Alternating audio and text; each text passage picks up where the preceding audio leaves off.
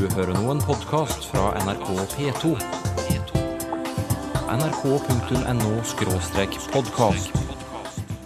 Kom igjen, mann. Og da måtte jeg snu, så gikk jeg tilbake.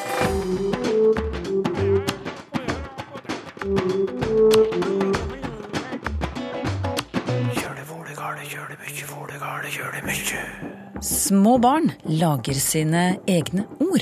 Altså tukketukken, det er jo støvsuger, og da er det mm, vel et ord som ble for vanskelig å si, kort og godt. Og det var da et veldig farlig fenomen, så det var tukketukken er farlig. Men skjønner hun at hun ikke sier støvsuger? Det er grunner til å tro at de ikke alltid forstår at eh, det de sier, ikke er det samme som det de voksne sier. I Språkteigen i dag løfter vi også fram et gammelt kraftuttrykk. Ja, det er jo en mild form for bannskap, da. Det tilsvarer jo nærmest fanden eller pokker.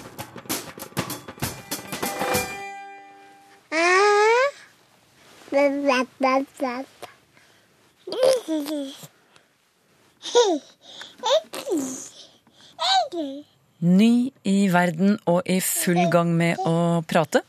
Etter hvert kommer det ord vi forstår, men også ord vi ikke forstår. For vet du f.eks. hva en tukketukk er? Eller en tattefond? Jeg tipper du ikke vet det, men barna som laget disse ordene, de vet det godt. Og det kjenner du deg kanskje igjen i, at små barn konstruerer sine egne ord. Nils Andreas Erstad i Drammen, god formiddag til deg. Takk, takk. Du, På Språkteigens Facebook-side har du skrevet om hvordan dine barn fant opp ord som hele familien tok i bruk etter hvert. Og dette var på 60-tallet. Hva kommer det av at du husker de ordene fremdeles? Ja, det er fordi vi bruker dem fortsatt, i litt forskjellig grad. På det som vi kanskje bruker mest, det er hullhøvel, Jaha. som da er en hulltakermaskin. Ja. Og den har fått det navnet fordi dattera vår da hadde sett meg bruke en høvel som ser litt ut som en hulltakermaskin. Og så kommer det opp et ord som på en, jo kunne like gjerne kunne vært navnet på det. Så du sto, du, du, hun hadde egentlig sett deg høvle noe treverk? Ja. Og så da du kom med en hullemaskin, så koblet hun det sammen? Ja. Ja. Og, og så har vi jo allerede i innledningen hørt to av de andre ordene. Tukketukk og tattefond. Og hvordan oppsto de to der? Ja, det er vel eh, veldig tidlige ord. Altså tukketukken, det er jo støvsuger, og da eh, er det mm, vel et ord som ble for vanskelig å si, kort og godt. Mm. Det er vel et ord som det kanskje tredje-fjerde ordet hun sa. Hun har i hvert fall eh, fanget opp den u-lyden i støvsuger. Ja. Ja. Og, det- og det var da et veldig farlig fenomen, så det var tukketukken er farlig. Ja. Og tattefonna, det var da sønnen vår som var på en måte tidlig til å snakke, men sein til å snakke begripelig. Så han hadde sitt eget språk som ingen andre enn han forsto, ganske lenge. Og, t- og den tattefonna, den kom da mm, vi bodde i Asker, og det ble trukket ut en, eh, en oljeplattform som var bygd på det som i dag er Aker Brygge. Så det har jo det samme. Det er et ord som ble for vanskelig, og så laga han sitt eget. Så tattefond, det var egentlig en oljeplattform. Ja. Ja. Det er jo noen likheter der også når det gjelder Ja, lyd, da. Det er snakk om å fange opp noen lyder, og så lage det beste en kan. Jeg må ta med eh, noen ord til fra denne listen din. Pykkan, hva betyr Ja. det? Det er en fjernkontroll. Og hvordan har det blitt pykkan, Ja, tror du? Det, det er jo trykket. Det er noe en trykker på. Ah, så det sier noe om funksjonen, rett og slett. ja. Så, og det er da et, et barnebarn, så det er et, eh, en annen unge som hadde sin måte å gjøre det på. Ja. Men frimerkeri, da? Ja, det er samme unge, og det er, det er da fyrverkeri. Men hvordan kunne fyrverkeri bli frimerkeri, tror du? Nei, vi visste vel hva frimerke og ikke hva fyrverkeri var for noe. Ja. Og så kom det ordet. Ja. Dette er jo bare noen eksempler på, Ja. på barnespråk hjemme hos Ja. deg, og noen av dem er jo som nevnt fra 60-tallet. Ja. Men så sier du altså at dere voksne begynte også å bruke disse ordene. Og hvorfor gjorde dere det? Nei, det har jeg ikke noe fornuftig svar på. Vi, vi, bare er sånn, vel. at Leker mye med ord. Ja. Men dere, dere kunne jo valgt å bruke de i gåsehøyne riktige ordene og la barna stå for det eksperimentelle her. Ja, det, nei, jeg har ikke noen god forklaring. Ja, det, men det er veldig mye ordspill og sånne ting i, i familiene, både innad og resten av familien også. Og så sier du at disse ordene bruker dere fremdeles. Dere bruker dem i dag 50 år etterpå. Og jeg lurer på hvordan reagerer utenforstående på det, når du og familien din begynner å snakke om tukketukk og pjukkan og så videre? Ja, noen syns det er veldig rart, og tydeligvis føler seg utafor, utestengt. Og andre syns det er morsomt og blir med hva skal vi si, etter beste evne. Eh, Men dere, dere tenker ikke som så da, at disse rare ordene de kan vi jo ikke bruke når det er andre folk til stede? Så, så, sånne hensyn tar vi ikke. Nei. dere holder på deres? Ja, ja. Ja. Nils Andreas Erstad fortalte om ordoppfinnelser hos barn og barnebarn. Og nå lurer du kanskje på, som jeg gjør, hvordan disse morsomme konstruksjonene oppstår. Vi får spørre en språkforsker, Christian Emil Christoffersen ved Universitetet i Oslo, hvorfor lager barn sine egne ord, som vi har fått eksempler på nå. Når barna eh, er rundt ett år, så begynner de å eh, si sine første ord. Og da har de allerede forberedt seg ganske lenge. I løpet av de få månedene før ettårsdagen så eh, har de begynt å få en forståelse for kjente ord i omgivelsene. Og de har også øvd seg ganske mye på å artikulere gjennom det som vi kaller for babling. Samtidig så står de overfor ganske store utfordringer. For det å lære å snakke, det å bevege seg inn i det finmotoriske uh, området. De skal koordinere utrolig mange muskler. Og uh, enkle ord, de får de ofte til ganske bra, spesielt hvis de allerede har øvd litt på, på det gjennom babling. De har sagt baba, mamma osv., og, så videre, og så plutselig så er det ganske lett å si mamma. Eh, men så er det jo en god del ord som er mye, mye verre. Ja. Det kan være ord som uh, inneholder flere konsonanter i, etter hverandre. Og det er også noen ord med lyder som S, R og L, kje-lyden, skje-lyden, som er ganske krevende.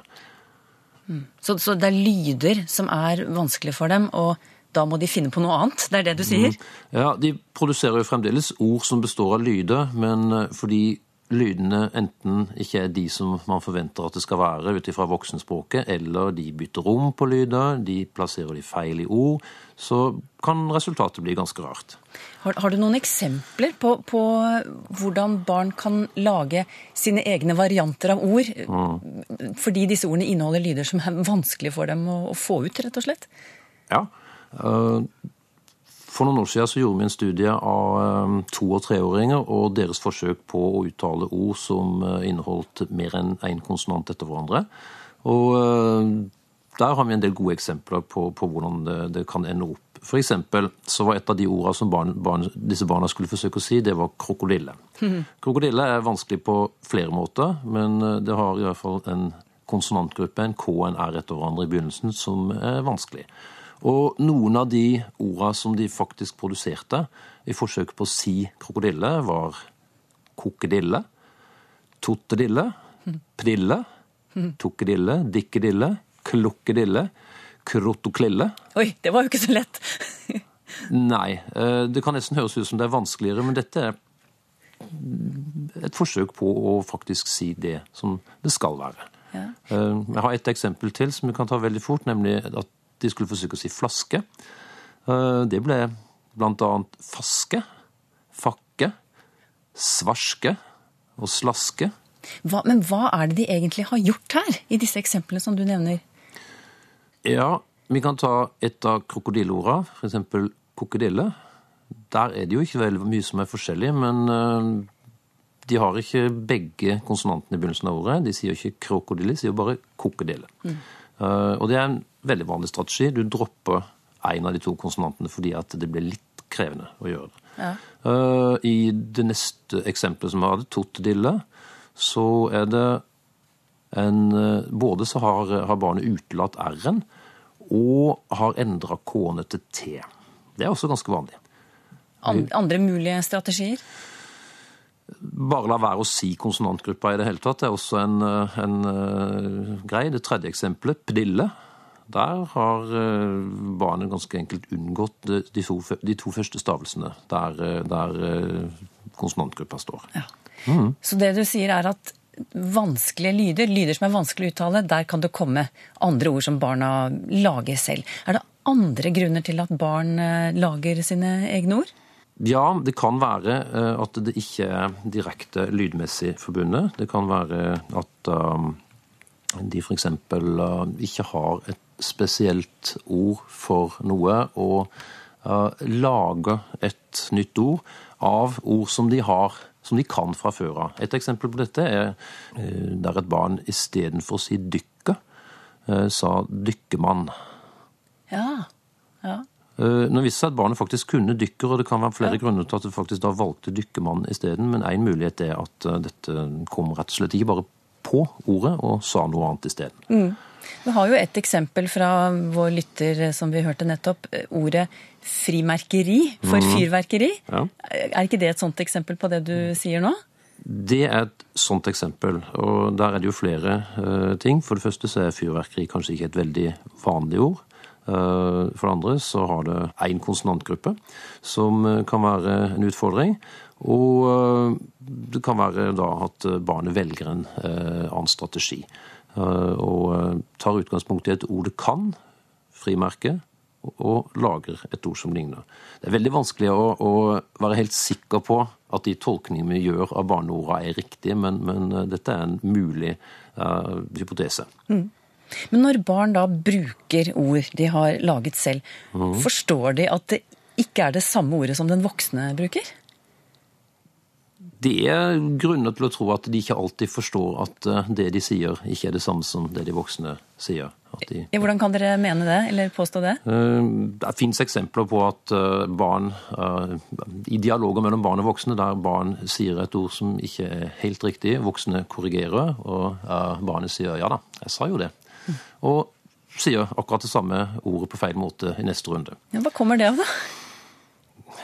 Vanskelig å si, men eh, en mulighet er at de rett og slett konsentrerer seg så mye om å få til av det kompliserte finmotoriske spillet som, som det er å få til eh, vanskelige ord, at de faktisk ikke hører hva de sjøl sier.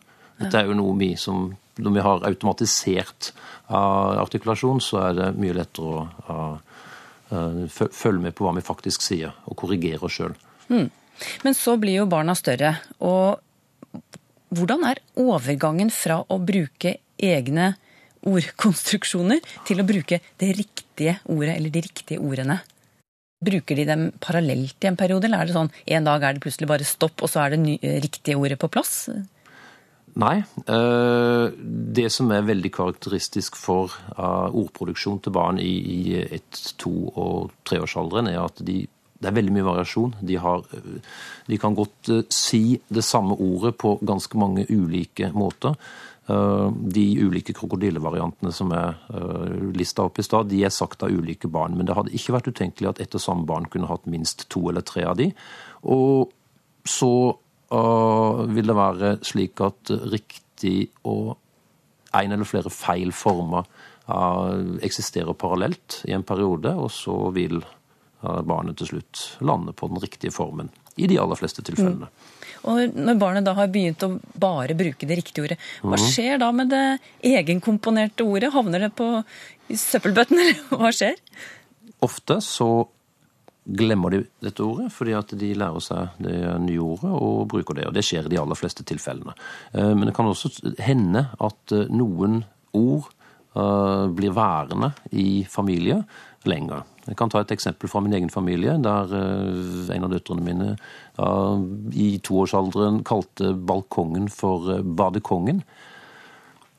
Dette kan forklares rent art- artikulatorisk, eh, men samtidig så er det veldig interessant at lenge etter at barnet hadde lært å si balkongen, så levde dette ordet videre i familien. De fleste omtalte da balkongen som badekongen, og det kan fremdeles gjøres eh, nå ca. 20 år etter. Det er en viss porsjon humor. Ja. Det skal vi høre mer om neste gang. Hvordan bl.a. de ordene som barn konstruerer når de er veldig små, kan leve videre som en slags form for slang i familien. Takk skal du ha, Christian Emil Christoffersen, språkforsker ved Universitetet i Oslo. Kunder som stikker av og ikke betaler for seg på bensinstasjonen, det er i ferd med å bli en føljetong her i Språkteigen. Med utgangspunkt i et lytterbrev lanserte vi først ordet avstikk om selve handlingen, altså det å stikke av fra regningen. Så fikk vi nok et brev med begrepet stikkunde, som visstnok brukes av dem som driver bensinstasjonene. Et ord for kunder som stikker av. Og nå er det Wenche Blomberg som skriver til oss og forteller at uttrykket pumpestikk har vært kjent blant bilister i mange år. Altså pumpestikk, fylle bensin og stikke av fra regningen. Jeg tar med én lytterhistorie til fra Torbjørn Bø. Han hørte innslaget vårt i forrige uke om oversettere som lager undertekster til utenlandske fjernsynsfilmer. Bø har lyst til å gi oss et eksempel på hvordan en oversetter med virkelig språksans, som han skriver, løste et problem. Det var et uh, britisk komiprogram som baserte et av poengene sine på en hvalfanger som skulle dra på ferie til Wales. Og whale betyr som kjent hval. Den norske oversetteren lot hvalfangeren dra til hvaler. Elegant, spør du meg, avslutter Torbjørn Bø. Vi har snakket om barn og ord i dag, og det er ett ord som alle barn må lære, helst så tidlig som mulig. Vi voksne krever at de små behersker dette enstavelsesordet på fire bokstaver. Måten vi bruker ordet på er en norsk spesialitet, mener språkforsker Heidi Brøseth ved NTNU. Det at vi nordmenn av mange blir sett på som et litt uhøflig folkeslag, det er nå så. Men det er én ting som vi nordmenn er verdensmestere i, da, og det er å si takk. I norsk så sier vi f.eks. takk for mat. og Det er noe som man ikke ville ha funnet på å si i Frankrike. Der vil man heller skryte av kokken eller skryte av måltidet og sånne ting. Men vi nordmenn vi takker for alt mulig som jeg tror en del utlendinger syns er ganske rart. Vi takker for sist, eh, når vi møter noen etter å ha vært sammen med dem dagen før f.eks. Ehm, vi takker for laget når vi har gått en tur sammen eller vi har gjort noe sammen. Hvis vi har vært på besøk, så sier vi takk for meg til vertinna. Og vi sier takk for skyssen og takk for hjelpa. Ja, det Vi nordmenn vi takker for alt mulig. Dette er jo ikke noe som oppstår av seg sjøl. Vi trener jo ungene våre det her. Fra de er bitte små, så lærer de seg å si takk. Og det her at vi nordmenn er et takknemlig folkeslag, da, nærmest fra vugge til grav, det kan vi jo bare se ved å ta en titt på gravsteiner, f.eks. For, eksempel, for der står det jo 'takk for alt'. Og det sa språkforsker Heidi Brøseth ved NTNU.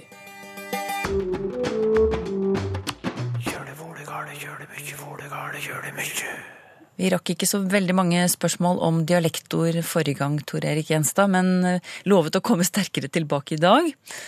Erling Andersen han kom over uttrykket 'forkuntmat' i en trøndersk avis. Hva betyr det, spør han, og er det bare et dialektuttrykk? Eh, ja, det er jo et uh, dialektuttrykk, men det går jo ganske vidt, eller har iallfall gjort det. Det betyr uh, god og sjelden mat. Altså mat som du sjelden får da, og som du da har ekstra lyst på. Og jeg er jo vokst opp med det sjøl. Barndomsdialekten på Indre Nordmøre, der taler du om førkunnmat. Hva slags mat var det, da? Nei, Det var hvis det var noe som var lenge siden han har fått, lenge siden han har smaka.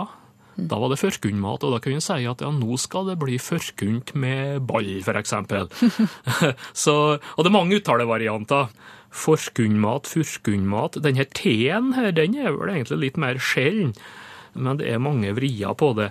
Og eh, mange plasser nordafjells, eh, Midt-Norge, da og opp, eh, opp til Helgeland. Og så har du det òg nordlige østlandsområdet med, med Gudbrandsdalen, med Nord-Østerdalen og helt ned til Nord-Odal er det registrert. Og også ned i Hordaland, så det har gått ganske vidt. Og, og forkunn, det går tilbake på norrønt. Det er et adjektiv, forkunnig, som betydde uh, lysten på. Olaug Steinbru eh, fra Kristiansand forteller at da hun vokste opp eh, her i Midtre Agder, som hun skriver, på 30-40-tallet, så sa de ikke fjøset, men de sa floren.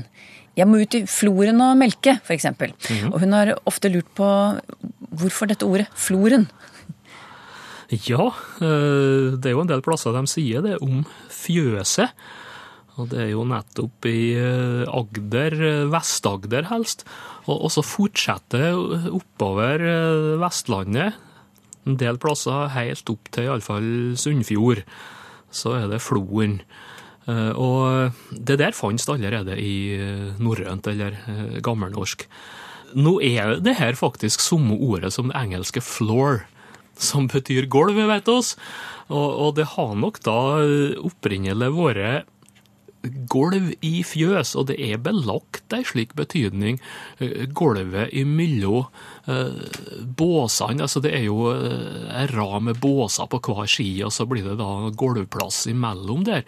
Og det er kanskje den opprinnelige floen, som da har kommet til å, å bety hele fjøset etter hvert. Og så er det jo også om plasser brukt om den renna bak båsene, der som møkkja faller eh, nedi, da. Det som en del plasser på Østlandet heter for skantil. Uh, den renna der, det er også, også vært kalla floen, men opprinnelig er det nok uh, gulvet. Karin Neili fra Kopervik i Rogaland skriver her hvor jeg bor, sier vi f.eks. det skulle ikke furast om man hadde tatt et tak, eller det skulle ikke furast om man hadde kommet litt tidligere. Hva kommer ordet furast av, spør hun. Ja, eh, det ser jo ut til at det betyr nærmest å undrast her, da. Altså, det skulle ikke furast, det skulle ikke undre oss, det skulle ikke forundre oss. Og For å ta litt geografi her, da, så er det jo eh, registrert på Sør-Vestlandet en del plasser Ryfylke, Sunnhordland, og nå får oss jo tydeligvis inn Karmøy og her, da. Men også over på eh, faktisk borti Østerdalen, eh, Østerdalsbygdene med Solør og Trysil og Elverum. Og norrønt så har du Furda, altså, som blant annet betyr å undrast på. Så det må vel være nedarva direkte derifra, vil jeg tro. Og så har hun da et tilleggsspørsmål her. Det kraftuttrykket 'furan'.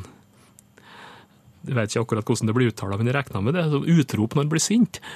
Og ja, det er jo en sånn mild form for bannskap, da. Det tilsvarer jo nærmest fanden eller pokker.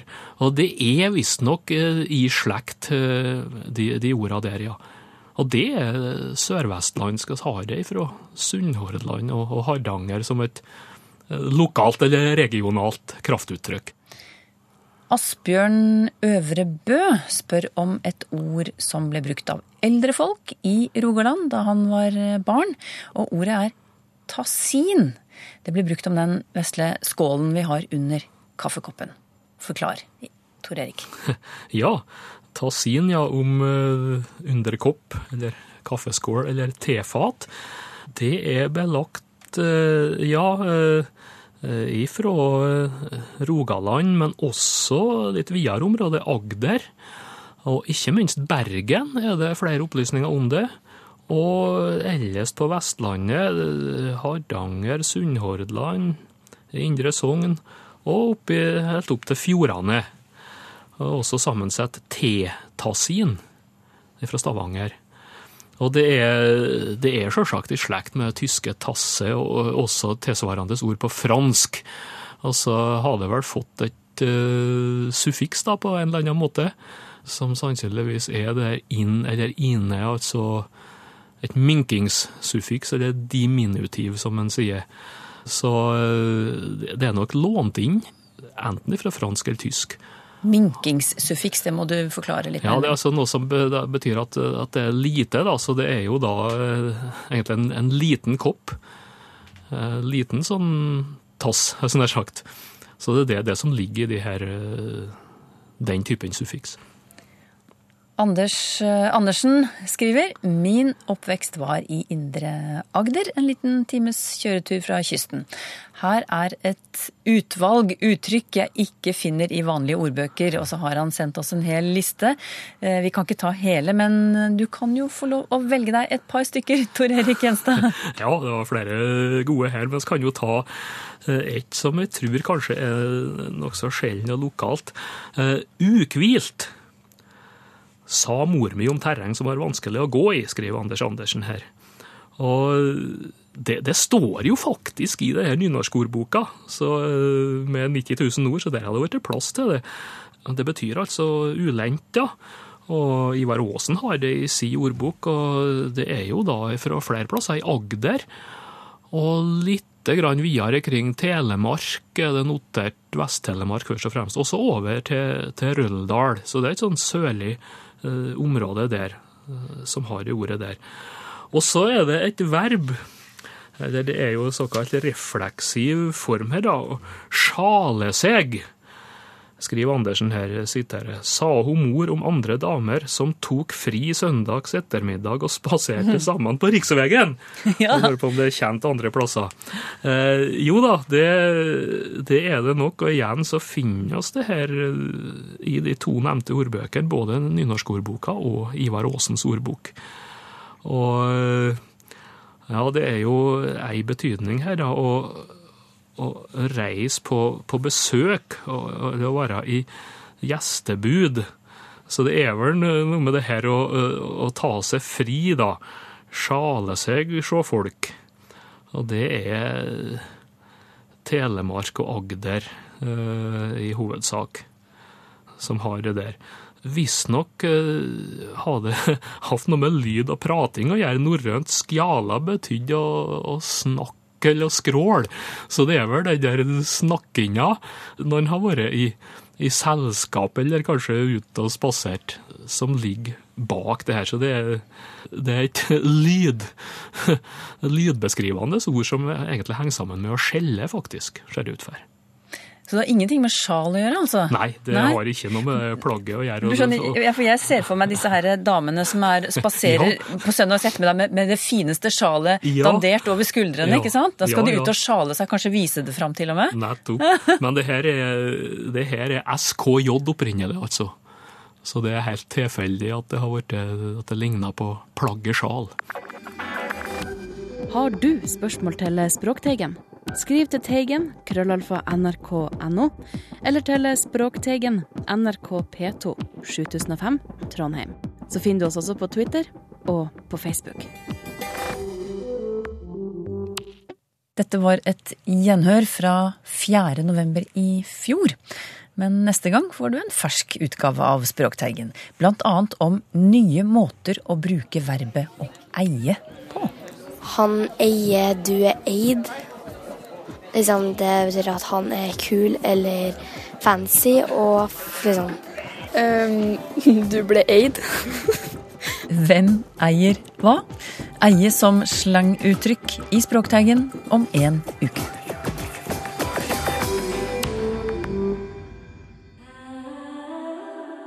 nrk.no podkast.